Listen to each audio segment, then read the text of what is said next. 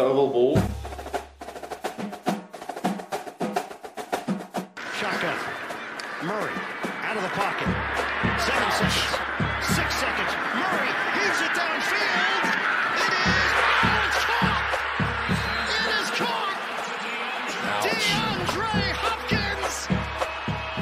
Miraculous. I play in the NFL. I think I play in the NFL. I think I play in the NFL.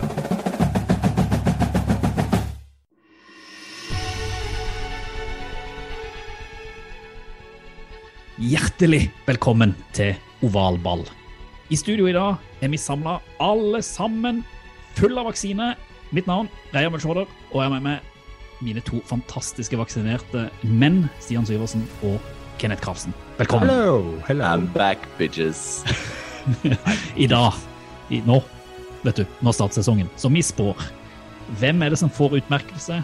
Eh, hvilke kamper bør du følge med på? Vi fortsetter blokkingsskul i ukas flagg, og vi har selvfølgelig dypdykk som ligger ute på ovalball.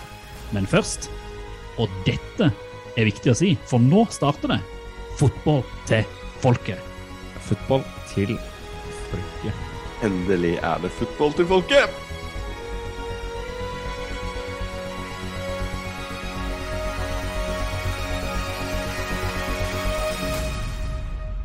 Da er NFL i gang. Ja, nå er det i gang. Nå er det i gang. Det er godt. Det er godt. Eh, apropos i gang. Kenneth, Yes, Du er i gang. er du i gang? I'm back! Ja, altså, jeg må bare beklage eh, for, for mitt fravær forrige gang. Jeg hadde ikke tenkt å være borte, men eh, det bare ble verre og verre utover dagen. Jeg var helt ute, altså. Det var litt Helt- behagelige greier, var det ikke? Ja, jeg koste meg egentlig. Det var liksom fint å slippe å få sånn der eh, innspill fra sida i dag. Det var ikke noe gøy å høre den podden, da. Bare dritt uh, til meg. Men uh, det er greit. Det er jo for så vidt fortjent når jeg ikke takler en vaksine engang, altså. Fytti katta. Jeg håper ikke det der var sånn der uh, tegn på at hvis jeg noen gang skulle få korona, så smeller det noe inn i det helsike.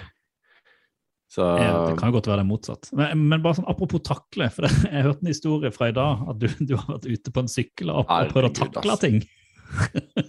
Kom hjem fra Det har vært på sånn jobbmøte, så fikk jeg en melding fra fra fruen, da. Eh, jeg satt i bilen. Den ene høna er blitt jagd av katten og er borte. Sykt stress. Så jeg kom hjem eh, og bare heiv inn sekken og ut på sykkelen da, for å sykle rundt i nabolaget for å finne da PA, den eh, gråspraglete høna vår av en av de fire, da. Og kommer liksom rundt hjørnet treffer en nabo og spør om han har sett en høne. Altså, jeg spurte en kid, liksom. Hei, du, har du sett en høne? Har du sett høna mi? Høne?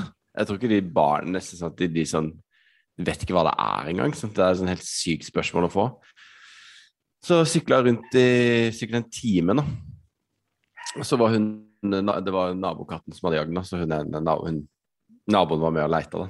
Og så ringte jeg, eller så kom jeg rundt, rundt et hjørne, så da satt liksom katten, ei høna i et sånt eh, blomsterbed, da, eller et sånt bed med liksom små busker i, og så stikker det bare et lite høne, hønehode opp, opp der. Så jeg måtte da Og da hadde jeg sykkel, ikke sant, så jeg måtte, bare, så jeg måtte ta den, og så tok jeg den bare ut av armen, og så sykla jeg hjem igjen, da. Så nå er alle fire hønene på, på plass i buret igjen. Lovet så kan selvfølgelig å sånn, legge eh, ut det bildet på Instagram. eh, Ja, ja jeg har et bilde av meg sjøl med, eh, med høna på sykkelen. Så det skal lytterne få, få lov å se. Eh, ja, det er kanskje det er vel det mest spennende som, som har skjedd. Spennende nok, da. Hønejakt i nabolaget. Ja. Fikk jo engasjert en tre-fire naboer da, og masse unger som løp rundt og ropte på en høne. da. Det skjer ting i de? Nei, Jeg hørte bare, jeg var liksom et stykke unna, så hørte jeg bare en sånn kikkeliki! Sykt høyt, da. Så det var sikkert en av de ungene som tenkte at det ville tiltrekke seg en allerede livredd høne, da. Som hadde blitt jagd kjempelangt av en katt. Og det skal sies, ingen av de hønene har vært noe annet sted enn i vår, inni vår hage. Så, ja. Nei, Jeg var glad for at du fant den, da. Bra, bra jobba, hønefar. Det skal du, det skal du ha. Eh, Du har tatt vaksine, Reier? Jeg har tatt vaksine. Jeg, jeg, jeg forbereder meg på, på tirsdag. Etter jeg hørte Kenneth, den eh, liksom, o store mann, falt liksom gjennom flere etasjer med, med vaksine. Så jeg forberedte meg. Jeg kjøpte inn Paracet, jeg kjøpte inn Cola, jeg kjøpte liksom alt. Jeg avtalte med jobb at jeg ikke skulle komme inn, hadde ingen møte, sånn at jeg kunne ligge og være sjuk. Strengt talt så går vel det det Blir vel det brukt i eh, husstanden din allikevel? Ja, men det, Det er en litt sjukdom der. annen diskusjon. Og i tillegg, altså Det verste av alt var jo at jeg sånn, jeg skulle egentlig på landskamp, jeg skulle på Norge-Gibraltar, men så tenkte jeg sånn, vet du hva, jeg, jeg orker ikke sitte på den landskampen og plutselig bli sjuk, for da lå det sånn tolv timers eh, at jeg bare skulle være slått ut, så jeg bare ga Mm. bort billetten til en, til en annen. Og så tar jeg, tar jeg den vaksina, og så har jeg hatt litt vondt i armen. Sånn. Bitte grann. Eh, og det er liksom That's it. Kan, kan ikke, kan ikke ense det engang. Så apropos sånn, jeg håper ikke det betyr at han ikke funker. Så hvis det er noe for korona, så blir jeg liksom totalt slått ut allikevel. For at kroppen min bare tenkte at vaksinen det gidder jeg gidder ikke ha noe med å gjøre. Så Jeg tenker det er omvendt, siden jeg ble helt slått ut at hvis jeg får korona, så kommer det til å smelle noe helt vilt. Men du tok jo Pfizer, da. jeg og jeg Pfizer. tok. Moderna. Så det er jo, skal jo være en viss forskjell der, ikke sant, Stian? Det er selvfølgelig det. Jeg merka jo ikke noe til Moderna heller, så Kanskje det er jeg som blir sjukest, oss. Ja, ellers er det bare Kenneth som er litt, ja, men, mener jeg kanskje jeg bare litt svak. dør. Ja. Få inn en erstatter, da. Ja, det, men jeg synes jo det, vi står jo ganske godt der, for vi, vi, vi kan være enige i det at vi var litt frekke med det sist gang, Kenneth. Men eh, når det viste seg i etterkant at vi har liksom ikke merka noen vaksine heller, så ja. Ja. Sånn, er, sånn er livet. Jeg får bare ta den. Ja. Jeg tar den, og så går vi bare videre. Og du, du Stian, jeg hører selvfølgelig at du har en hund litt i bakgrunnen der, så hvordan går det med, med livet på, med, med hund og barn? Mm, går fint. Går fint. Mm. Det er jo bare kokosdager som alle småbarnsforeldre og fotballtreninger og hund og alt som skal gjøres. Så det er, det, er, det er ikke noe å snakke om. Jeg har ikke tid til noe annet enn den poddinga, som er eh, den lille pausa man får i hverdagen. Skal ikke du begynne framover nå og sitte opp om nettene, liksom? Eh, jo. Se kampen? Skal slutte å sove. ja. Sånn er det, da. Det er jo, varer jo ikke så lenge. Det er bare frem til sånn februar. Så du tåler det. går fint, det, da. Tåler det et par dager i uka. Men, eh, men eh, jeg syns vi skal komme i gang med, med sesongen, jeg,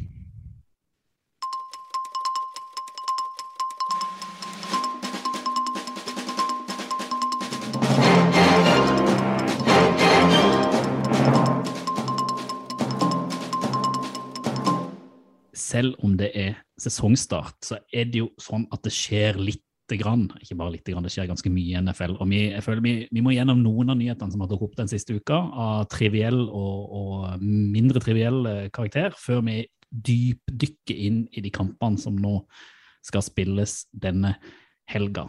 Og litt sånn kjapt eh, du, er jo en, du er jo en bra rookie quarterback når eh, tidligere Heisman-vinner Cam Newton blir sparka for laget ditt, og så går du ut og sier at eh, ja, men jeg var ikke, jeg var ikke så, var ikke så overraska over at jeg var QB1. jeg. Det er bare sånn ja. Mac Jones, litt helt. Mm. Men nå, Kenneth, du var jo ikke her forrige uke. Og oh. egentlig, da vi snakka om han kameraten din, ja. så fikk ikke du egentlig sagt det du ville si. Så, så du får to minutter nå. Nei, jeg trenger ikke det. Du trenger ikke det, nei? Nei, fordi at det, Jo, jeg trenger ikke to minutter, men jeg kan bare si at Cam er ikke ferdig. Det sier jeg. Og så får vi bare vente og se, da. Okay. Men jeg syns det er fantastisk at uh, rookie quarterbacken går ut og sier at han ikke er overraska over at han ble QB1. Han er jo for så vidt litt mer ydmyk i intervjuet med reporteren enn eh, enn det overskriften gir uttrykk for, da. Jo da, men samtidig så er det jo ikke De er jo på en måte Han ble tatt i første runde i draften. Mm. Eh, han, han, det kommer jo ikke som et sjokk for han at han skal spille i NFL. Sånn at det, det er jo bare Altså, det intervjuet er jo Han, han hyller jo Cam i intervjuet også, så det er jo bare sånn tatt ut av lufta overskrift, egentlig. Ja, Samtidig kan- som jeg jo jeg er ikke i tvil om at han trodde han skulle starte fra den dagen han ble drafta. For det tror jeg alle de gutta der tror. Ja, det var mitt poeng også. De er jo såpass gode, og i sitt eget hode så har de jo et, eh, et selvbilde og et ego og en idé om at de er gode spillere som skal gå inn og, og spille på et lag. Mm. Og hvis ikke du har den innstillinga, så tror jeg kanskje ikke du har noe i NFL å gjøre heller. Jeg tror ikke du kommer langt i NFL da, nei. Og i hvert fall ikke når du er et førsterundevalg. Da skal du inn og spille. Skal få selvtillit til det, det er enig. Men jeg syns allikevel det er kult. Det, det viser jo at han, han det, er jo, det er jo Patriots òg, det er ikke hvilket som helst lag. Så Nei, han skal få, han skal få kjørt seg, han. Og apropos en quarterback og Patriots, en tidligere Patriots quarterback som nå spiller i eh, Bucks, Tom Brady, han har vært ute både, både her og der den siste uka. Eh, det første som jeg så, det var jo at han var ute og mente at nei, altså, quarterbackene er altfor godt beskytta. Reglene i NFL nå er sånn at de, du kan jo liksom bare, du kan bare late som om du blir, blir takla litt hardt, og så får du, får du et flagg. Og han var liksom sånn, han var, var irritert. Og så har han i Mm. tillegg har jeg sett vært ute og kritisert eh, det, altså, draktnummerregler, om ikke jeg tar helt feil. Altså, Og det har han jo hata siden starten, på en måte. Mm. Dette med Mm. nummergreiene har jo vært et skikkelig sånn uh, hatobjekt for, for Brady. Altså, Brady bare vokser og vokser. I Liksom 44 år gammel er det nå. Nå er han liksom på topp hos meg. Og bare Ja, altså, den der, Det var jo litt artig, den der eh, at det var jo ikke bare quarterbackene som måtte passe på seg sjøl, det var jo hele offense. mm, Og at det er quarterbacken sin jobb å passe på re- receiverne sine. Han sa jo det at han Når de møtte Ray Lewis, for eksempel, da, da heiv han ikke inn i midten av banen, liksom. Fordi da visste han at Blir du spist opp? da ble, da ble de shut down. da. Sånn at uh, Ja, jeg vet ikke. Jeg kjenner ikke nok til historikken her til å vite om han har et poeng eller ikke, men jeg tenker jo litt sånn, hvis du skal dra paralleller til vanlig fotball òg, så er det jo på en måte uh, Messi hadde ikke blitt så beskytta altså, Du ser jo videre av Maradona, hvordan han ble maltraktert. Eh, og det ble jo ikke knapt et gult kort engang, liksom, mens i år, i dagens fotball, så hadde det blitt rødt. Sånn at Mm. ja, vet ikke om jeg er helt enig. Nei, det, det er jo derfor vi sitter her. Jeg syns han har kanskje et lite poeng. Det har kanskje blitt altså, litt i overkant. For det, det er et eller annet med at du Det er helt greit at du skal ikke takle for røft, og du skal ikke, liksom, du skal ikke, du skal ikke gå inn for å skade, men noen ganger så er det Nå føler jeg av og til at det blåses bare fordi du gjør, du gjør en god takling, og så er det sånn at du takler litt for hardt selv om du har helt god takling. Da eh, til, til og med i fotball er det jo sånn at hvis du er klinkeklar på ball, men du tar med den mannen etterpå, så er det ikke alltid at du får frisparket. Så eh, vi, får, vi, får, eh, vi får se hvordan de, de gjør det i praksis når sesongen starter nå. Men kanskje kan se de to, de to tinga til Brady litt i sammenheng. da. Det blir jo enda vanskeligere for han å kaste riktig, sette opp riktig place hvis han ikke er helt sikker på hvilke gutter som er på banen der. da. Når ikke han har kontroll på numra og, og spillerne på eget lag engang. For det er han er frustrert, frustrert over, og var er det irritert over fra start av. Ja, altså det er mest, mest motstanderlaget, tror jeg. For vanligvis sant, så kan du jo se hvem er linebackere, liksom. Det er den og den tallgruppa, ikke sant. Så Mm. plutselig så er det en som er nummer to eller nummer sju eller et eller annet, ikke sant. På, som er safety, da. Mm. Så er det vanskelig å, vanskeligere å lese Forsvaret, tenker jeg. Men det som er gøy med dette, er jo at Brady har jo blitt en helt annen eh, person etter han dro fra New England. Nå er han liksom frittalende og Mm. På en måte kan føler han kan si det han med, virkelig mener, virker det som. Sånn, Og det er jo litt kult òg, for nå er han jo Han er jo så gammel nå at han kan jo bare Det er yngste kan si han imot, nesten. Og så er han jo vaksinert òg, det er jo litt interessant. Ja, det er jo, altså nå, han, han, er, han, er bare, eh, han er bare gull for tida. Mm. Eh, et lite overgangsnyhet eh, nyhet er jo at eh, en running back som har vel egentlig havna i fryseboksen mange steder etter at han var veldig god i Steelers for noen år siden. Mm. Levin Bell har kommet seg til Ravens. Hvordan går det? Nei, jeg tror i hvert fall at eh, Ravens trenger å fylle på litt uh, i den posisjonen. Nå har de både starter eh, J.K. Dobbins, som røk ut uh, og er ute for sesongen, sannsynligvis, og at running backen Jesse Hill, som var andrevalget, sannsynligvis er ute hele 2021 iallfall. Så de har ganske lite å spille på. begge, røyk ikke begge akilles, nesten? Jo, Sykt uflaks. Det er helt vilt. Og i en treningskamp hvor de liksom satte rekord for å vinne 20, 20 Mm. treningskamper på rad, på et vis, da. Eh, så de trengte å fylle opp eh, running back-rommet sitt. Og Levian Bell hadde jo en Spilte for eh, Chiefs i fjor. Hadde jo noen gode matcher og var ikke så, var ikke så gæren. Og går da inn eh, først og fremst til eh, practice squad, men jeg kan jo kanskje se på meg at han får, får noen kamper der. Tror du ikke det, Kenneth? Ja, jeg ser at Harbour allerede signaliserer at han fort kan være på rosteren allerede week one. Ja, det sier vel mye om hvor krise det er Ja. På løperrek i løperekka til eh, Ravens. Altså, hvis, han, hvis han finner tilbake til noe av det han gjorde når han var på sitt beste på Steelers, så var han jo, da var han jo en av de aller aller beste running backsene du hadde i ligaen. Han, var jo, altså, han har jo en helt egen måte å, å, å løpe på. Han har liksom Jeg kan ikke huske jeg har sett det, i hvert fall fra tida jeg har sett, for han, han stopper opp, så bruker han to sekunder på å liksom bare speide rundt på Forsvaret, og så løper han. Utrolig gøy å se på når han er i form. Så jeg håper jo at man kan se han tilbake på sitt beste. Og de gutta der som på en måte har vært sykt gode da, og bevist noe, de får alltid nye sjanser, virker det som. det. Ja. Eh, og jeg kan jo skjønne det, og det er jo, det er jo på en måte lav eh, risiko, høy mulig reward, da, hvis, du, hvis han treffer på den. Eh, så Men eh, han har jo ikke vist noe på fire år eller noe sånt. Han satt jo ut et år for å få kontrakt, og så var det Mm. Ja. Hmm. Så det er jo en sjanse, men eh, Spennende å, å se. Eh, Og så må jeg ta med en, sånn, en siste nyhet. Det er rett og slett bare fordi at det ser jo ikke sånn kjempebra ut i Bengals. Vi har jo tidligere hatt opp litt nyheter rundt Joe Burrow som rett og slett virker litt redd på banen. Og nå, eh, i dag så kom jeg, kom jeg over en nyhet over uh, rookie Jamar Chase, som vi liksom trodde kanskje kunne bli kanskje altså opp med sånn offensive rookie of the year, iallfall en av de beste wide receiverne i år. og han har vært veldig dårlig i preseason, og så har han da uttalt i et intervju at nei, det, det er nok bare fordi den, den NFL-ballen som vi spiller med, den er litt større enn den ballen han var vant til i college. Og på den college-ballen så er det sånne hvite striper som han har stirra på. Nå kan han bare se på laces. Så han syntes det var veldig vanskelig å forholde seg til den, til den ballen, men det skulle visst gå greit hans sesongstart. Da er det sånn, da er du ute og ror litt når det går der, altså. Men eh, ja, ja. Det, det er iallfall gøy at eh, jeg tenker, Apropos sånn, være forberedt og planlagt, dette burde man kanskje visst litt om før man går inn i NFL, at man spiller med litt andre baller. Ja, altså jeg, det Bagels-greiene, altså. Det ser jo ut som et synkende skip. Ja, Så Tyder jo på litt nerver og eh, at han ikke kanskje er helt klar for oppgaven. da. Godeste Chase? Vet ikke. nei, han satt jo ut i fjor. Mm. Mm. Og her er jo ikk- naturlig nok litt rusten. Mm.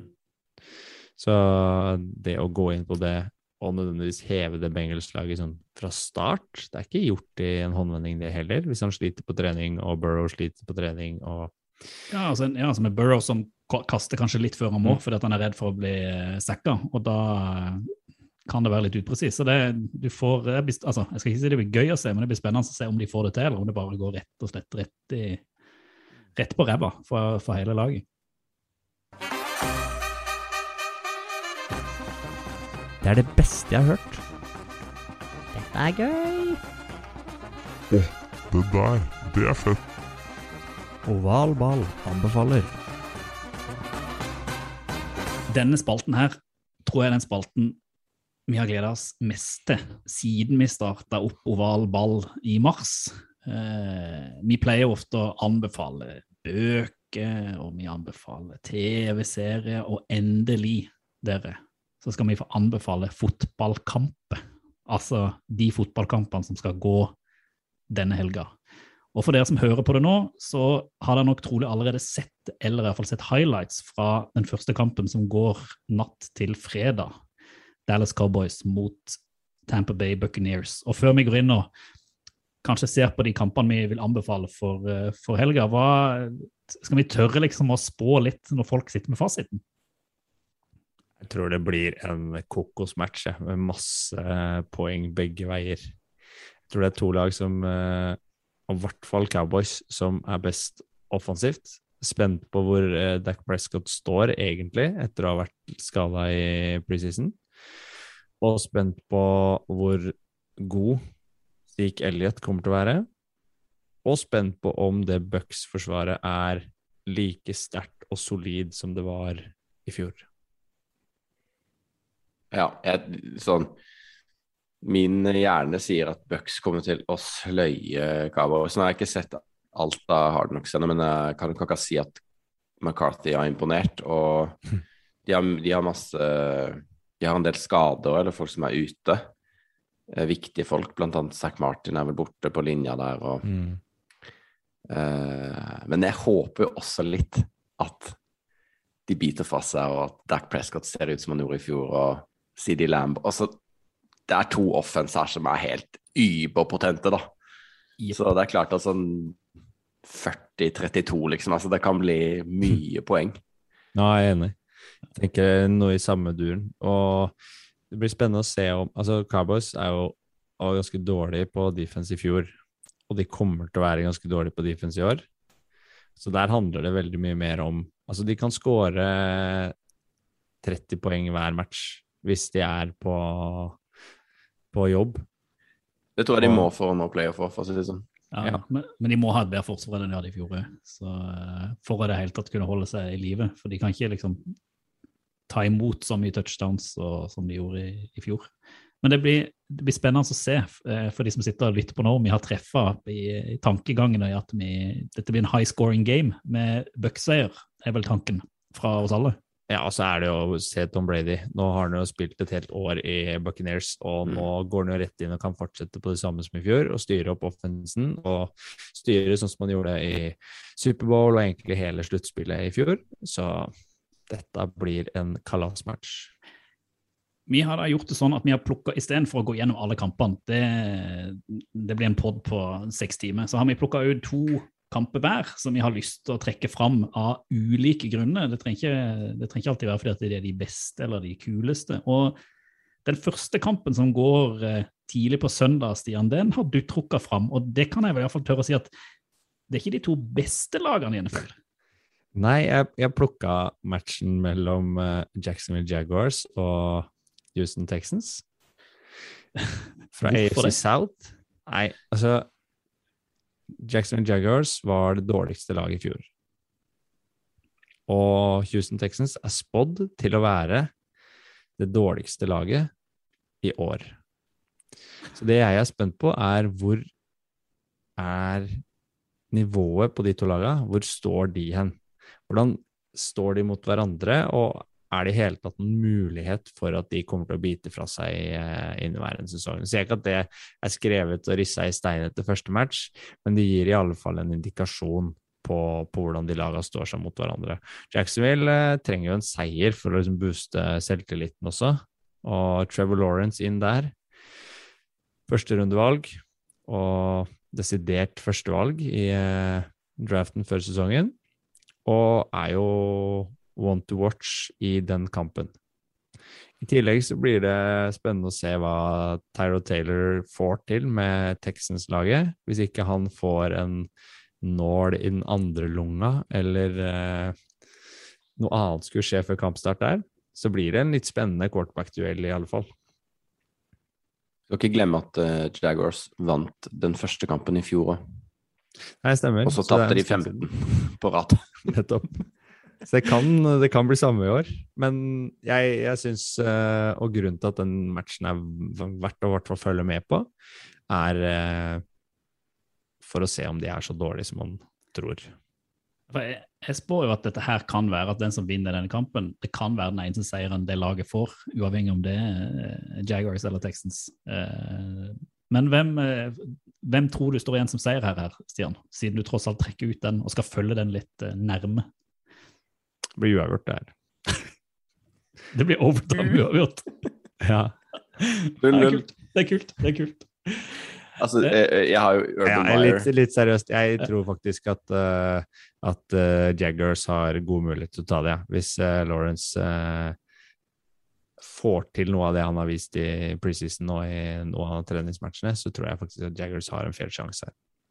Jeg tror Jaggers vinner, men jeg har ikke noe tro på Urban Meyer, altså. Det har jeg sagt før. Og det, det greiene der mm, mm, mm.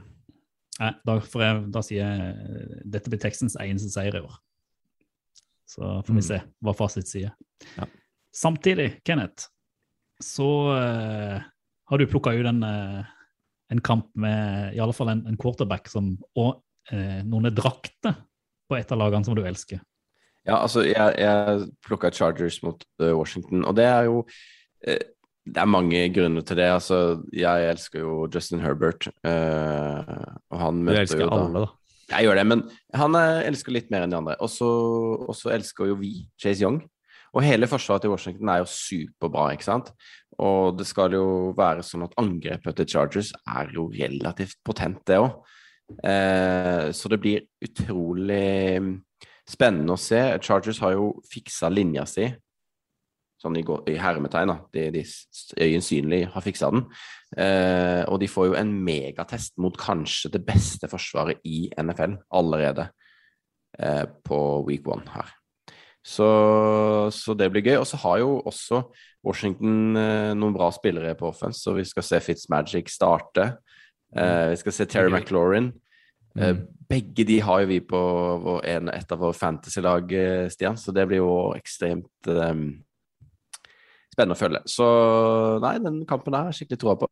Eh, Og Chargers med ny trener, Brands Staley, og blir jo spennende å se hvor, hvor god han er egentlig. Har jo massiv hype inn i, inn i sesongen. Mm. Mm.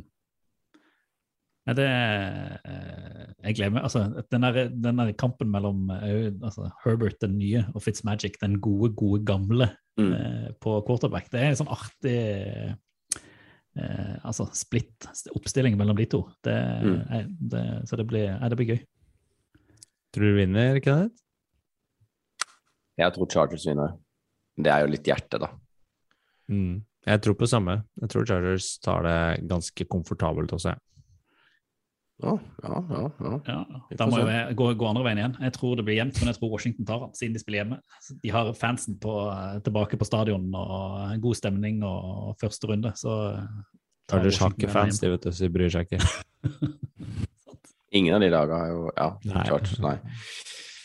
Og i samme vindu tidlig på søndagen, midt i deilige red zone, så har du, Kenneth, valgt ut en fantastisk kamp. Revenge game. Fortell oss om den. The Sam Darnold revenge game mellom eh, Jets og Panthers. Det blir eh, Det blir kjempegøy. og Det er jo utrolig kult at schedule makers eh, bare prikka inn den i week one.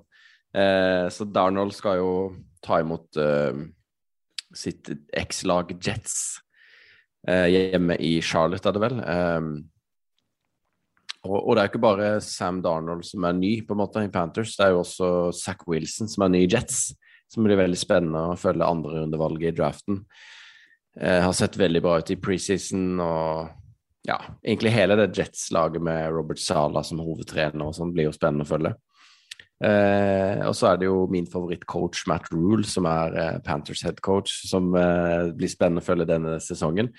Eh, og ikke minst eh, kandidat for comeback player of the year, Christian McCaffrey, er jo tilbake. Eh, en av de beste running backsa i ligaen. Kanskje den beste. Kanskje når han den beste. Altså, Mm. tenk, det, tenk hvor mye Panthers kommer til å legge spillet rundt han, Ja, han, ja. hvis han er i form. altså. Det, Så Sam Donald har jo en litt annen, kan man si ja, En lin- litt annen kurs da, eh, enn eh, det Bridgewater hadde i fjor. Fordi han hadde jo ikke noe hjelp av McCaffrey nesten. Han var skada stort sett hele året. Eh, og nå er det jo ikke forventa det. Det trenger ikke være sånn at Sam Donald skal bære dette offenset, for det er jo McCaffrey som kommer til å gjøre det. mm. Eh, han kan ta imot og han kan løpe, så han kan jo være med i alle deler av spillet. Så det blir eh, kjempe, kjempegøy å følge. Eh, og du nevnte jo Red Zone. Det blir jo helt vilt å få det tilbake for dere som ikke skal til Legoland. Så det blir jo gøy. Men eh, mens du står i Legoland og prøver å streame på telefonen din eh, Jeg skal hvem- se det, altså. Skal det. Blir det revenge game, eller eh, blir det ikke Ja, det tror jeg. Ja, Du tror Panthers stikker av med seieren? jeg tror det, altså. Jeg bare føler at Jets er på en måte i en veldig rebuild. Og de har vært uheldige i preseason, har mista en del, annet eh, Carl Lawson, eh, edge Russian rusheren som de henta, ble jo skada. Og flere andre skader, egentlig, på Forsvaret. Ser ikke bra ut i det hele tatt. Da har de jo Sala som kan coache det opp, men eh, jeg har litt mer troa på Panthers akkurat i denne kampen. Jeg støtter det der. Stian? Jeg tror det blir en uh, tight match, jeg. Som fort blir avgjort fordi Panthers har beste løpespillet. Så kanskje Panthers vinner med sju? Det høres bra ut. Så beveger vi oss eh, til det seine vinduet på, på søndag. Eh, og der har jeg fått lov til å kanskje velge ut den kampen som står opp som liksom den toppkampen i, Oi, oi, i week one. Mm. Og det er jo rett og slett altså Cleveland Browns, Kansas City Chiefs, og der, der er det så mye å ta tak i. Altså bare sånn først og fremst, Dette kan jo være kampen mellom de som ender topp to i EFC. Det er ikke sikkert, men altså det, det er jo to av kandidatene til å ende helt, helt på toppen. Uh, du får tilbake tilbake Patrick Mahomes eh, som den, en av den beste quarterbacken i ligaen mot uh, din store, store drafthelt uh, Baker Mayfield, Kenneth, som kanskje endelig skal få lov å dra Cleveland eh, inn i eh, ja, de, Nå var de i playoff i fjor, men altså inn i en, kanskje til og med opp mot en Superbowl. Og så har du det fantastiske forsvaret som Cleveland i utgangspunktet har mot angrepet til Chiefs, kommer til å bli dritspennende å se hvem som egentlig greier å komme best ut av den kampen. Det er kanskje det som står for meg som liksom det største punktet i den, eh, den kampen. Og det, eh, Cleveland har jo gjort mye bra drafts i, i forsvaret i, i draften i år, så det blir spennende å se de eh, i første runde. Jeg syns jo dette er kanskje den største kampen som går i week one. Jeg vet ikke hva dere tenker. Enig. Jeg er veldig spent på hvordan eh, linja til eh, Chiefs ser ut. Om de klarer å beskytte Mahomes godt nok etter det som skjedde i Superbowl. Og de møter jo et forsvar som virkelig kan eh, Eller et Skal vi si jo et forsvar som, som virkelig kan sette de på prøve fra første stund, da. Og som eh, viser vel om om Andy Reid har gjort de grepa som er nødvendig for å, for å holde Chiefs der oppe. For det er mange som er sultne på å rive de ned fra hva skal vi si, AFC-tronen. Og jeg tror Browns kan, om ikke tukte de i denne matchen, så iallfall være i nærheten når vi teller opp når sesongen er ferdig. Jeg har en semifeeling på at Chiefs kan bli en av årets skuffelser, jeg, altså. Dessverre. Men, Hørte det her eh, først? Nei, jeg har jo hørt det et par andre steder òg, altså. Men, eh, Ja men, eh, men jeg bare liksom Jeg vet ikke. Det, det er jo ekstremt vanskelig å holde seg så god. De, vant, de har vunnet Er det tre championship games på rad eller noe sånt? Ikke sant? Mm. Så Det er jo Det er veldig sjelden vare, på en måte. Selv ikke Patriots. Altså Det er, tøff, det er tøft å holde seg god så lenge. Eh, og de har gjort mange endringer, som du sa, på linja. og ja, Mahomes kommer nok til å være kjempegod uansett, men en liten regression kan jo være der, og jeg er jo helt på Browns-hypen, da. på det toget der. Ja da. Ja, jeg er med Baker Mayfield inn til Superbowl, jeg, altså. Mm. Men så er det litt spennende å se. Nå, nå har jo Andy Reid eh, hosta opp det samme angrepet i Eller det samme og det samme. De har klart å finne hverandre veldig fint, da. Mahomes har alltid klart å spille ut uh, til Kelsey eller til uh, Hill, som har løpt inn enormt med poeng for dem. Og har de andre laga klart å lese de godt nok til å gjøre det, eller er Mahomes så god og de to andre så stjernespillere at de kan fortsette der? I tillegg så får eh, Clive, Clive Edwards Hilaire et eh, år til på baken og kommer nok til å stå frem som en enda bedre running back enn han gjorde i fjor for Chiefs. Og så er det jo angrepet til Browns som også er spennende å se på, da, Kenneth. Det er eh, flere der som kan utfordre et uh, decent uh, Chiefs-forsvar også. Absolutt. Det er kjempemange, og de har et vanvittig bra running game òg, ikke sant. De kan spille på veldig mange strenger offensivt. Og de har OBJ som ikke spilte i fjor, som er eh, sett på som en joker, ikke sant. Og i potensielt en av de beste wide receiverne i hele NFL. Så det Nei, det blir det, Nei, Det blir en, det blir gøy. Det blir en gøy kamp. Og det, det er som du sier, da. Det er jo, det er jo den største kampen i, i uke én. Mm. Absolutt. Um, så det er nesten synd at den går så seint. For oss, da. Ja. Sikkert veldig fint over there. Ja. Uh, Men jeg, jeg, jeg må jo bare si, jeg, jeg, har, jeg sitter med en følelse at jeg tror det blir jevnt, men jeg har liksom en følelse at jeg tror kanskje Browns kan greie å knipe den her. Så jeg heller mot Browns hvis jeg skal tippe. Chiefs vinner med et field goal. Og du, Baker, du heier på Browns, du òg? Ja, altså, det eneste som tar jeg, jeg, vil, jeg vil si Browns, men så er det jo på Arrowhead, hvis ikke jeg tar feil. Mm. Mm. Og det er jo en ganske heftig stadion å besøke, og de kommer til å være helt gale nå i, De kommer til å klikke i første uke én. Sånn at eh, Ja, men det, det blir jevnt, og Browns vinner med tre. Idiot. Du blir ikke enig med deg sjøl. Man skal alltid tippe med hjertet her, aldri med hodet. Ja, ja. Ja. Eh, og så, eh, siden du, siden, du, siden du sitter i den velkjente Tua-stua di, Kenneth, så er det jo veldig hyggelig at Stian har velget ut eh, eh, første matchen til Tua, eh, i, hvor han da starter en full sesong, vil vi jo tro. Dolphins Men han velger den jo ikke mot- pga. Tua. Nei, han gjør jo ikke det. Men eh, Eller er det pga. Tua, Stian? Det var egentlig uh, mest på grunn av Mac Jones. Jeg må si det. Nei da. Du Jeg er så Cam-hater, altså. Nei, nei, jeg er ikke noe Cam-hater. Jeg, jeg hater ingen, jeg.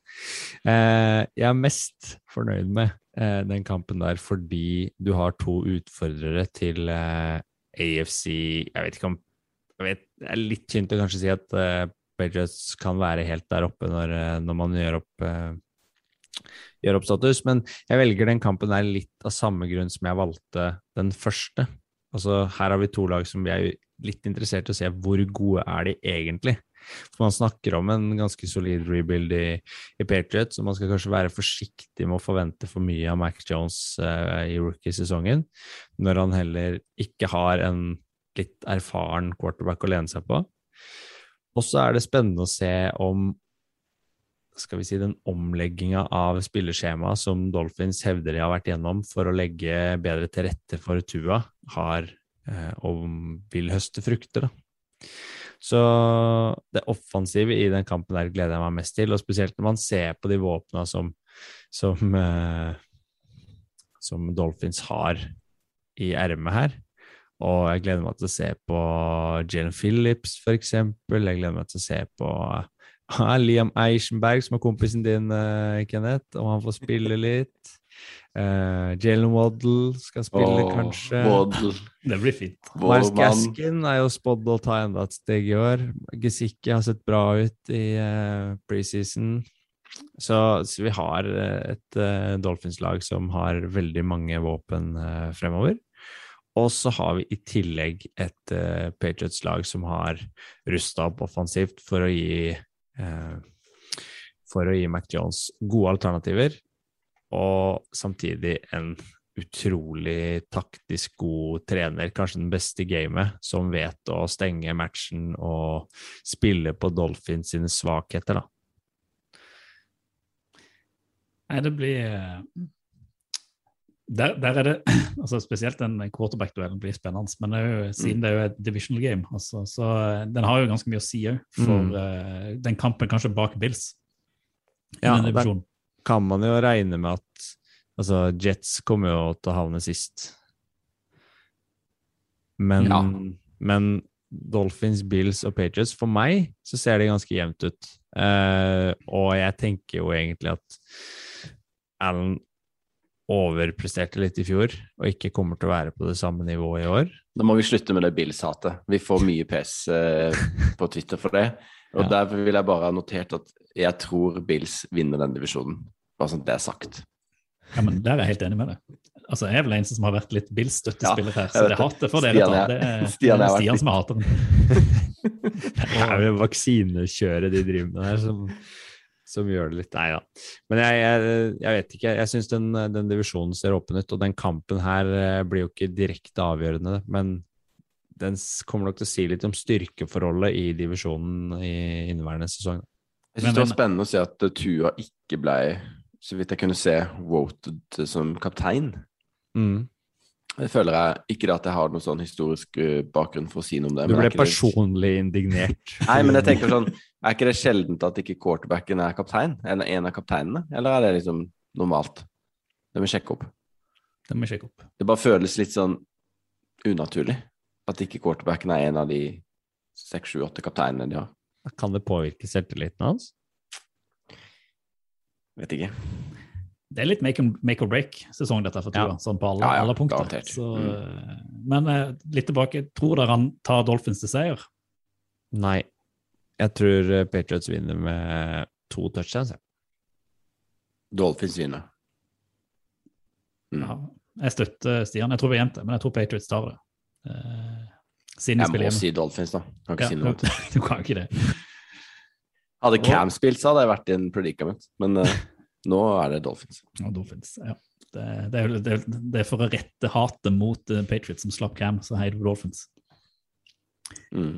Eh, Jeg burde jo selvfølgelig, sånn, ta- for å ikke liksom ha masse Bills-hat i, i, i denne poden, som siste kamp som jeg skulle anbefale, velge eh, Bills hjemme mot, mot Steelers. Men den vinner Bills. Jeg hater Steelers, så apropos hat, så den, den bare lar jeg ligge.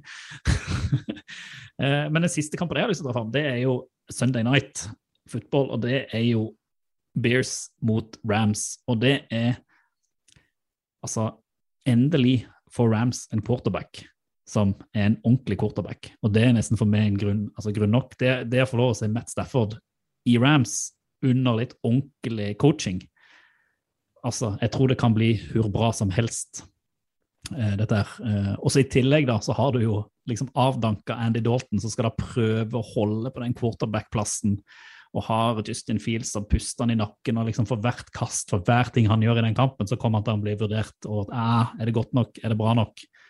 Eh, og så I tillegg så møter han kanskje det beste forsvaret i hele NFL Mm.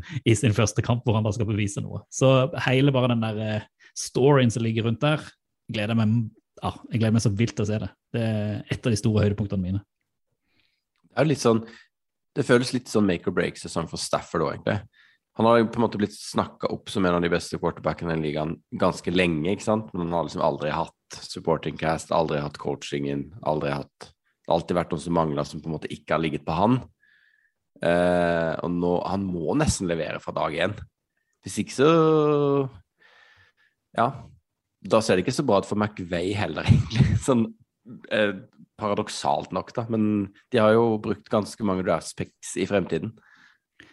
Ja, men jeg, tenker bare så, så bra Rams har vært med Goff som de hadde der.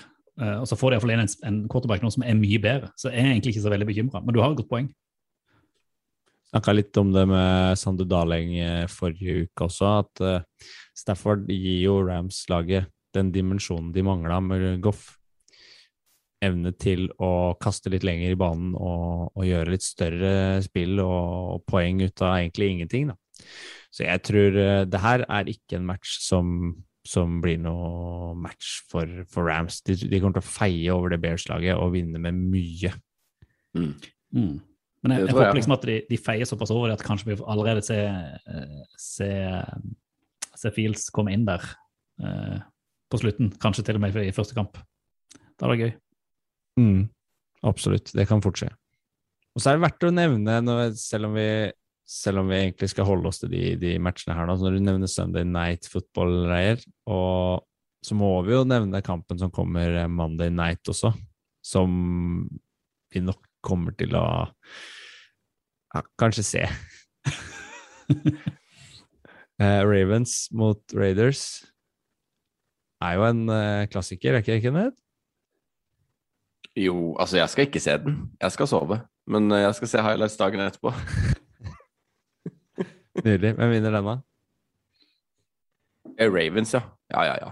Ja, ja, ja. Ikke noe tro på Raiders i det hele tatt. Nei, nei. Sorry. Hvis eh, Lamar har kommet seg etter eh, covid, da. Times Ja. two. Altså, selv, selv uten en eh, topp hotshot eh, Lamar, så tar Ravens den ganske greit. Jeg tror eh, Raiders vinner, jeg. Jeg tror de vinner med sju. Men da, vet du hva?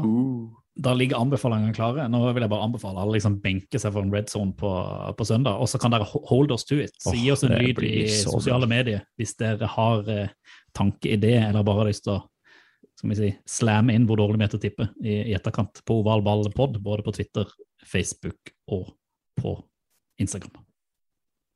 Khalif Raymond from the 30. Flag is down. And Raymond has run out of bounds. Another flag comes in at the 32. There are six flags on the field. Ny uke. Heldigvis den samme svensken.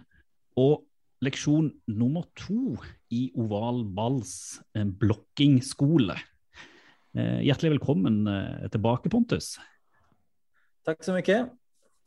Eh, vi har jo sittet og gleda oss hele uken uke på å finne ut litt hva, eh, hva liksom neste leksjon skal være. Og vi har eh, skjønt at denne gangen skal vi prate litt om eh, block in the back. Kan det stemme? Det kan stemme. Eh, med tanke på at det er ni som har satt opp hvilke vi skal prate om, så, så, så stemmer det nå. Kan du pedagogisk forklare hva det er for, for meg og våre lyttere? Ja. Block in the back er ganske vanlig penalty når man tittar. Um, og det skjer på alle, alle, typer av spill i stort sett. Um, men det er egentlig når noen kommer og ja, dytter den i ryggen i stort sett, når man ikke kan se. Uh, og det kan være alt fra at du løper inn i dem, til at du typ bare holder dem vekk, eller til at du dytter dem i ryggen så at de typ forandrer fart eller snubler eller noe sånt. Uh, så ja, veldig vanlig på uh, returns, punt returns, kick returns og sånne biter, så ser man ganske ofte de penalty-bitene. Uh, eller ja, når du kommer høyt opp i banen og sånt, så er det mange som kommer og blokker i back. Um, det finns egentligen bara ett tillfälle typ när det är lov att blocka någon i ryggen. Och det är eh, oftast på, på linja när om någon kommer och snur ryggen till precis det du ska blocka. Så om det är typ collision is imminent och de snur ryggen till, då är det lov. Eh, men annars så er det ikke lov i det hele tatt. Eh, det man kan det er lov å blokke fra siden. Så om du har begge hendene dine på siden, så, så er blokken lov. Men eh, ja, har du ene handen bak på ryggen, så da er det ikke lov. Det er stort sett. Block in the back. Og sen har du vel to forskjellige ting eh, på block in the back. Du har den ene som er den vanlige block in the back, og så har du clipping, hvilket egentlig er block in the back fast below the waist. da. Och det är väl en av de äldsta reglerna tror jag i NFL for för att det är så pass extremt stor skaderisk på dem när du kommer och kastar i knävecken på folk. Så till och med kan vara career ending för personen när det sker. Så ja, derfor er det virkelig ikke lov. Jeg føler ofte det når du, du nevnte det med at det skjer Noen ganger er det som regel at disse kan skje på sånn punt og kick returns. at uh, jeg føler veldig ofte det at når noen bare kommer sånn veldig lett igjennom, du bare ser at oi, her var det jo helt åpent, liksom, så er det, så er det, er det ofte noen som har gjort det greiene der. på en måte, at da, da er det noen som har blitt liksom skyvd unna på, på, ulovlig vis, på en måte. Ja, og det, det er flere stykker som kommer unna med det. Altså, det, det er vanskelig å se, for det, det er jo det er mange som blokker over hele feltet mm. når du har den typen av spill. Så eh, det er ganske vanskelig for dommerne å se dem. Så ja, det finnes en hel del sånne blokkene back som, som ikke blir tatt. Jeg syns det går så fort ja, når, vi, når vi sitter og ser de, spesielt sånn punt returns og sånn, og de, de, setter fart, og så filmer de jo ikke. Altså, Kameravinkelen er ofte med på å hindre oss i å se hva som foregår, da. Fordi de følger ballen og gjerne mot uh, receiver så ser man ikke helt hvordan de blokker for å Nei, Så plutselig er det bare åpen bane, så ligger det noen folk strødd der, og så ja. er det flagg. og så får dommeren eh, full hyre med å liste opp sånn fem-seks forskjellige forseelser. Ja. Og da kommer den uh, klippingen, da. Ja, det, det, er derfor de har såpass mange dommere, for å kunne få ta så mange. Det, altså, det rekker ikke med som i vanlig fotball å bare ha typ én hoveddommer og to sidedommere, eller hva det nå er. Det var lenge siden jeg brydde meg med vanlig fotball, så jeg har ikke så peiling på det lenger. Vi begynner å bli ferdig med vanlig fotball, vi òg nå, gutter. Det er jo gøy. Nå vet vi hva vi skal se etter når sesongen er i gang. Så ja. Eh, nå er det bare å, å skjerpe øynene. Ovalball. Fotball til folket. Siden det er sesongstart, så må vi gjøre noe vi ikke har gjort før, og det er å kjøre ovalballskåring av hvem som stikker av med disse titlene, altså MVP, Offensive Rookie of the Year, Defensive Player of the Year osv. Eh, det som jeg syns gjør dette her litt ekstra gøy, det er at dere visste ikke at disse kåringene skulle komme. Mm. Mm Så det jeg har lyst til å gjøre, det er at eh, jeg har lyst til å lese opp eh, litt ulike kåringer, og så har jeg lyst til at vi skal ta det litt på sparket. Hvem dere mener, eh, f.eks. MVP, eh, hvem dere mener blir, eh, blir, MVP. Og så har jeg lyst til å legge på en liten sånn ekstra tweak, eller tweak, at vi får ikke lov til å velge den samme. Punktum. Uansett hvem det, hvem det gjelder. Så jeg tenker å starte selvfølgelig med MVP, og så starter jeg bare på, på toppen. Og så kjører vi en runde på disse kategoriene litt sånn eh, Vi bytter litt på å gå først. Høres det greit ut? Jeg Har jo noe valg, egentlig? Det, Det høres vanskelig ut, men ja. Ja, jeg har ikke noe valg, men eh, jeg tenker at vi kan ikke, alt kan ikke være så forberedt, så her får vi ta det litt på magefølelsen, og så, eh, og så ser vi hvor vi ender. Og så tenker jeg at sånn i mars eller noe, så tar vi dette opp igjen. Og så ser vi hvor på jordet magefølelsen var når sesongen er over. Greit. Ja. Ok. MVP. Jeg går uh, safe. Patrick Mahomes. Ok. Da sier jeg Tom Brady. Helvete! Det var det jeg skulle si! ah. Ja, OK. Men da er det bare én mann igjen for meg å si. Det er Kyler Murray. Nå må det skje, da.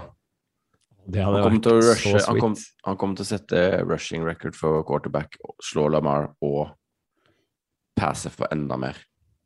Det hadde vært egentlig den kuleste, sånn eh, i utgangspunktet. Men eh, da tenker jeg, Stian, da skal du få lov å begynne eh, med neste kategori. Og det Mm. er da Defensive Rookie of the Year. Ja, Der eh, tror jeg at jeg må gå for favoritten min fra Hard Knocks. Micah Parsons. Han ser ut som et villdyr, så han kommer til å vinne den rimelig greit. Han tar opp arven etter Chase Young. han. Var det irriterende for han hadde tenkt å ta sjøl? Sånn er det. Eh, men eh, du var, vel, du var vel sist, Kenneth, så du kan få lov til å gå som nummer to nå. Takk for det, så du kan få google litt underveis. Ja, jeg skal, jeg skal ikke Jeg sier Gregory Rousseau. Han hadde jeg faktisk litt troa på i draft nå. uh, og har visst sett veldig bra ut i, i, preseason. Jeg ville også tatt Parsons, han ser jo helt spinnvill ut. Men uh, siden jeg må velge en annen, så går jeg for uh, Rousseau. Og så endte opp i For lytterne, Kenneth. Uh, Bills, var det ikke det? Ja, nettopp. Ja. Så her er enda med Bills-stoff fra meg nå. Så nå er det bare å tweete det på. Har du dårlig samvittighet for noe? ja.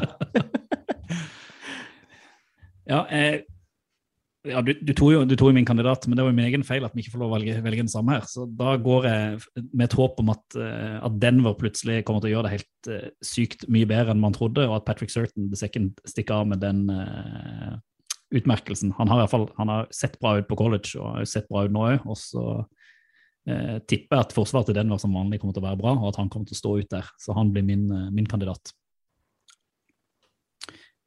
Da, Kenneth, skal du få lov til å starte kåringa av Offensive Rookie of the Year. Ja, da tror jeg at jeg må gå eh, quarterback. Og da går jeg for Mac Jones. Wow. Det er kult. Jeg tror han har liksom best forutsetning for å gjøre det bra av alle de av på en måte de rookiene. da. Zack Wilson kommer til å ta, de kommer til å tape så mye kamper, og samme med Lawrence, tror jeg. Mm. Så Mac Jones kan jo ende opp med å vinne ti-tolv kamper, ikke sant. Da, da er det gode muligheter. Stian, Eh, Det er vel din tur, er det men det er kanskje min tur. ja. Er det så Mm. dårlig på tallet, vet du?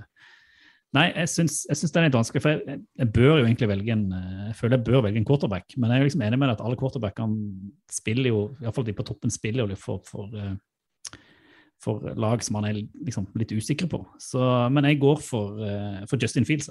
Gambler på at han eh, eh, Han kommer til å skinne. Justin Fields, ja. Mm. Spennende valg. Mm. Da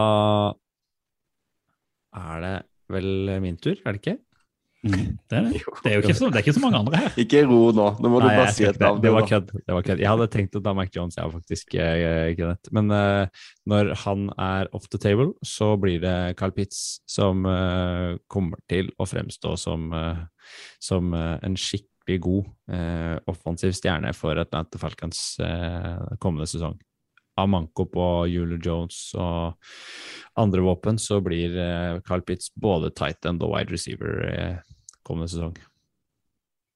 Ja, men det, det skal du ikke se bort ifra. Det skal du ikke se bort ifra. Nei, jeg gjør ikke det. Han var jo. Darling sin dark horse òg, var han ikke det? Ja, han var det. Og Darling pleier å ha peiling på hva han prater om. Så Mm. eh, nå skal jeg bare hente fram hva vi hadde som neste, neste kåring her mens jeg kikker, og det er uh, Defensive Player of the Year.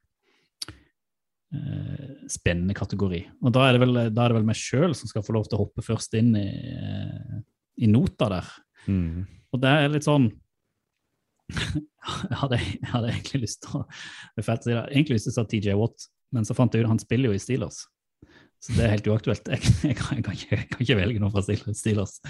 Så da har jeg rett og slett gått for at uh, jeg, må, jeg, jeg føler jeg må være i Rams, og så greier jeg ikke velge mellom Aaron Donald og Jalen Ramsey. Så jeg går for Aaron Donald. Det er jo det minst kontroversielle valget man kan omtrent gjøre. Du Jo, har- men det du- vil være fjerde år på rad, vel? Ja. Hvis han vinner, eller noe sånt. Og det er jo aldri skjedd før. Så sånn sett så Ja. Det er greit, Men det. jeg er jo veldig lite kontroversiell, det vet jeg jo. Ja.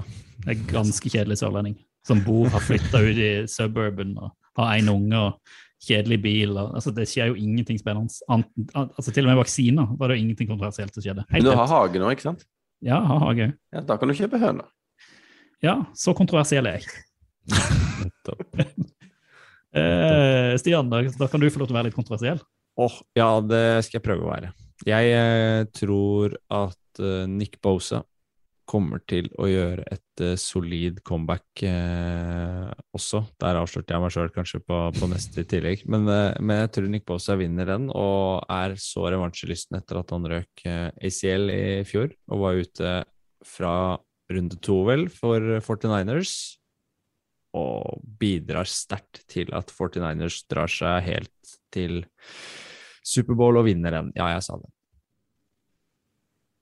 Det, det er ikke usannsynlig at det skjer. Det er litt artig at du sier Nick Bosa, for min er faktisk broren hans, Mm. Joey Bosa. Deilig.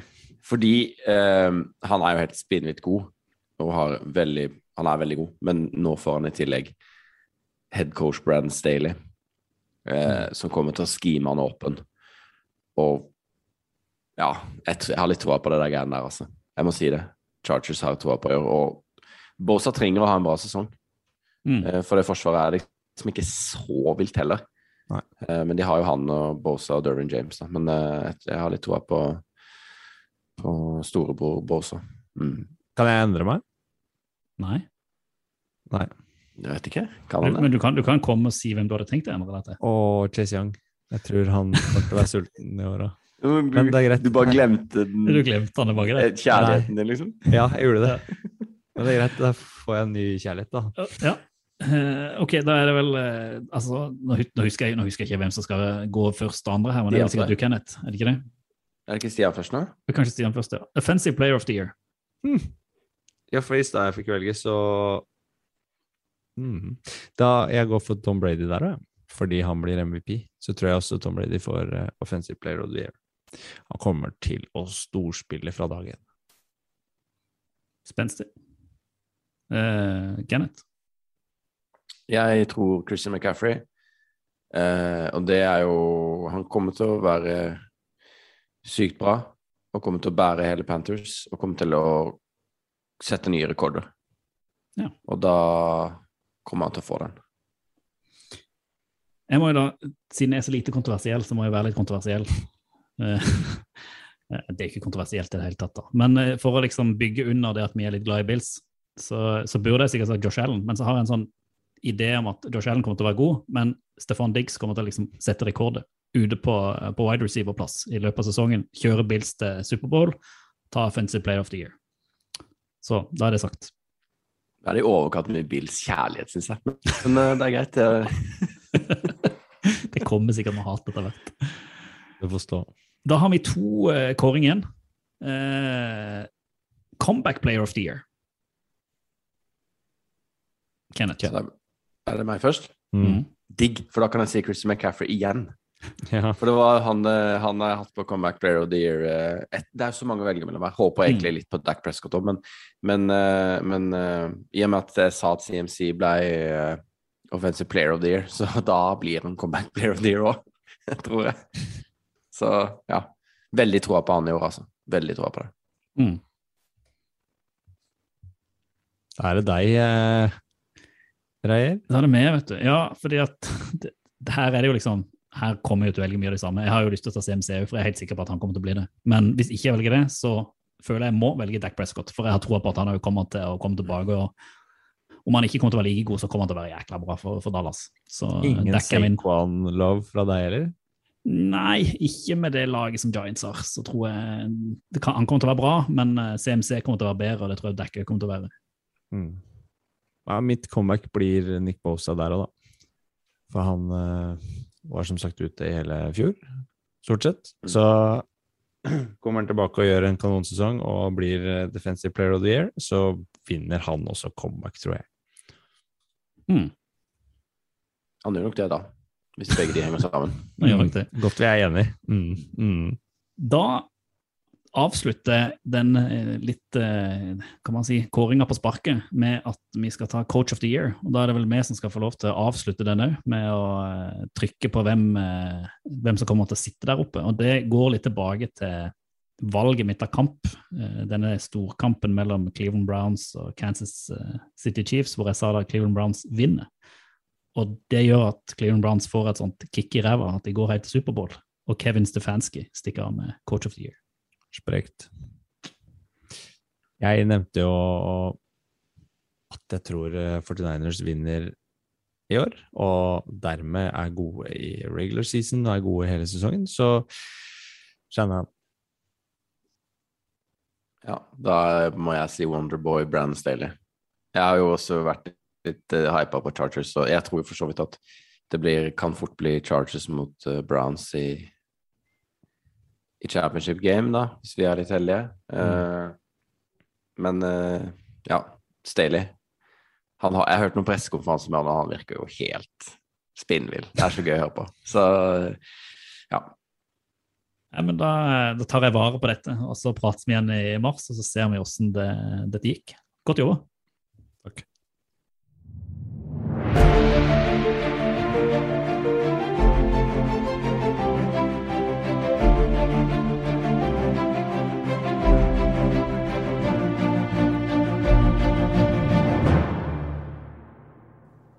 Ukas dypdykk finner du som alltid på ovalball.no, og det er vår, eh, om jeg kan si, vår kjære eh, Daniel Jeremiah, eh, ovalball edition, Sander Darling, som denne gangen har lagt ut eh, teksten som han lova oss eh, forrige gang, eh, hvor han har gått igjennom ti QB-rookies og eh, kåra hvem han da mener har sett best ut i preseason, og hvem som kommer til å gjøre det best inn mot mot sesong.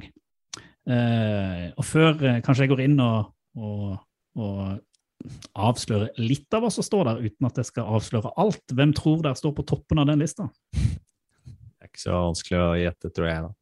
Eh, det er nummer én i draften og nummer én hos eh, Jacksonville Jaguars. Og han er vel nummer én også hos eh, Sander Daleng, tipper jeg.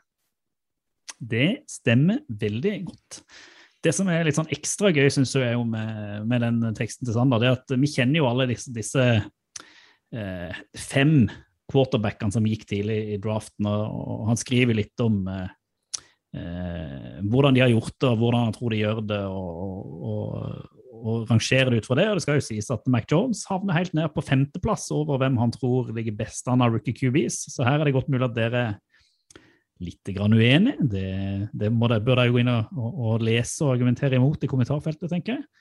Men det som jeg synes kanskje er litt sånn ekstra spennende, det er jo de quarterbackene som har gått litt under radaren, som har blitt plukka litt senere i draften, hvor han da går inn og ser litt på, på Kellen Mondi, Minnesota Vikings, eh, David Davis Mills, som vel i utgangspunktet skulle utfordre Tyrod Taylor i Houston, Texas, og, og et par andre eh, quarterbacker. Og det er jo ikke alle de som har hatt en veldig god preseason. Og så er det veldig gøy å lese Sander sine spådommer, for det er jo noen hvor han bare sier at han tror egentlig ikke de kommer til å spille i NFL i det hele tatt, men nå er de det der. Og så har han rangert det likevel. Ja, og det er jo For oss så er jo dette litt gøy, for det er jo første gang vi på en måte er ordentlig inne i draften. Eh, og det var jo sikkert ti quarterbacks å rate i fjor òg. men, mm. men, men, jeg hadde ikke noen tanker om de. Mens nå har man jo kunnet følge på en måte Davis Mills i preseason. Og Sam Eilinger eller Ealinger i Colts var det jo også litt snakk om uh, i en periode at han så bedre ut enn forventa. Så var det litt sånn hype rundt det. Og så har du jo Trask i Buccaneers som på en måte er den nye understudyen til Brady. Og det har jo gått greit med mange av de andre som har vært under Brady. Mm. Uh, ikke at de har blitt kanskje superstjerner, men uh, både Jimmy G og Brissett og Det er flere som har hatt OK karriere. Mm. Så jeg vil i hvert fall anbefale alle som har eh, litt interesse i å lese seg litt opp på Rookie QBs før eh, week one, eh, og gå inn og sjekke ut Sander sitt innlegg på ovalball.no. Det ligger òg, når du hører denne podkasten, helt sikkert spredd på våre sosiale medier på Twitter og Facebook og Instagram, sammen med dette nydelige bildet av Kenneth på en sykkel med ei høne i hånda.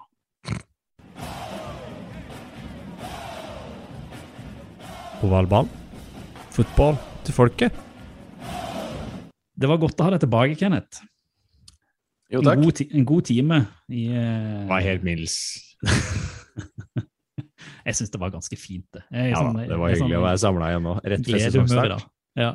Nå er det sesongstart. Så, eh, men sånn før vi kaller episoden ferdig Du skal egentlig ikke få med deg noe NFL? Du, den, første Legoland, Kenneth. Tenk å glede seg til noe i 250 dager, og så dra til Legoland den helga det starter. Ja, altså, jeg har tenkt å prøve å få med meg en del, men, eh, men eh, Og det gjør jeg jo også. Men eh, det er litt usikkert om jeg blir med på, kan bli med på podden neste uke. Men jeg tar med meg uansett uh, utstyret, så får vi se. Og uansett skal jeg spille inn noe greier til dere, så det får diskutere i podden. Det blir bare hets tilbake. Det blir noe dritt, ja. Ja, dritt, ja. det er fortjent, selvfølgelig typisk. Ja, ja, altså, om Kenneth forsvinner ned i eh, Legoen og drukner med et eller annet, setter et eller annet i halsen, eller noe, så møtes iallfall vi to neste uke og skal diskutere oss litt gjennom hva som har skjedd, og se litt framover på, på kampene. Og det, det blir jo altså jeg, begynner, jeg kjenner liksom det å kunne endelig diskutere altså, innholdet, hva har skjedd, Mm. plays, kamper, situasjoner, eh, crazy ting som skjer, og ikke bare sitte og kjøre build-up. Det skal bli eh, gøy, og litt utfordrende òg, for det blir jo, vi kommer til å gjøre litt annerledes på ovalball nå under sesong. Mm. Det blir, blir litt rart, da, for vi har jo bare holdt det gående i løpet av Vi lurte jo litt på om vi var en offseason-pod ja. eh, en periode. Men, Kanskje det eh, skulle vært det. Kanskje det viste seg å være like greit. Vi får se hvordan det går med lyttertall og alt sånn utover nå, da. Hvis det bare går nedover, så kan vi jo bare komme tilbake når det er draft og sånn, da. Kan vi gjøre. Nei, jeg tror det å ha fokus på kamper gjør jo, gjør jo dette her eh, enda artigere. Og Ja. som du sier, her, å diskutere de situasjonene, matchene, om ikke resultatene i seg, men, men selve utviklingen av sesongen og spillerne som vi har trodd på, og lagene som skuffer. Og, nei, dette her blir så utrolig deilig, og endelig så er det i gang igjen. Og ikke minst å se da Man har jo sett litt i preseason, da liksom noen har spilt et par snaps, ikke sant, av de beste spillerne. Mens Mm. de fleste har jo bare stått på benken, og Og nå smeller det ordentlig. nå er det liksom alle de beste på banen samtidig. Da blir det gøy, altså. Klokka sju på søndag, når Scott Hansen dukker opp i studioet sitt med 600 skjermer på, og bare red zone, og du har the witching hour, og du har åh, jeg kjenner det gåsehuden eh, altså allerede reiser seg på både bein og armer. Så det vi i alle fall kan si nå, som eh, avslutning på, på dagens episode, den siste episoden før sesongen starter, det er at nå, dere, nå kommer det til å, på alle plattformer, bli football til folket. Nå er det football til folket. Fotball til folket. Do the Titans have a miracle left in them in what has been a magical season to this point? If they do, they need it now. Christie kicks it high and short. Going to be fielded by Lorenzo Neal at the 25. Yeah, give it to- it, back to Wycheck. He throws it across the field to Dyson. He's got something. 30, He's got something. 50. He's got it. 40, He's got it. 20, 10. He's got it. End zone. Touchdown Titans. There are no flags on the field. It's a miracle. Tennessee has pulled a miracle.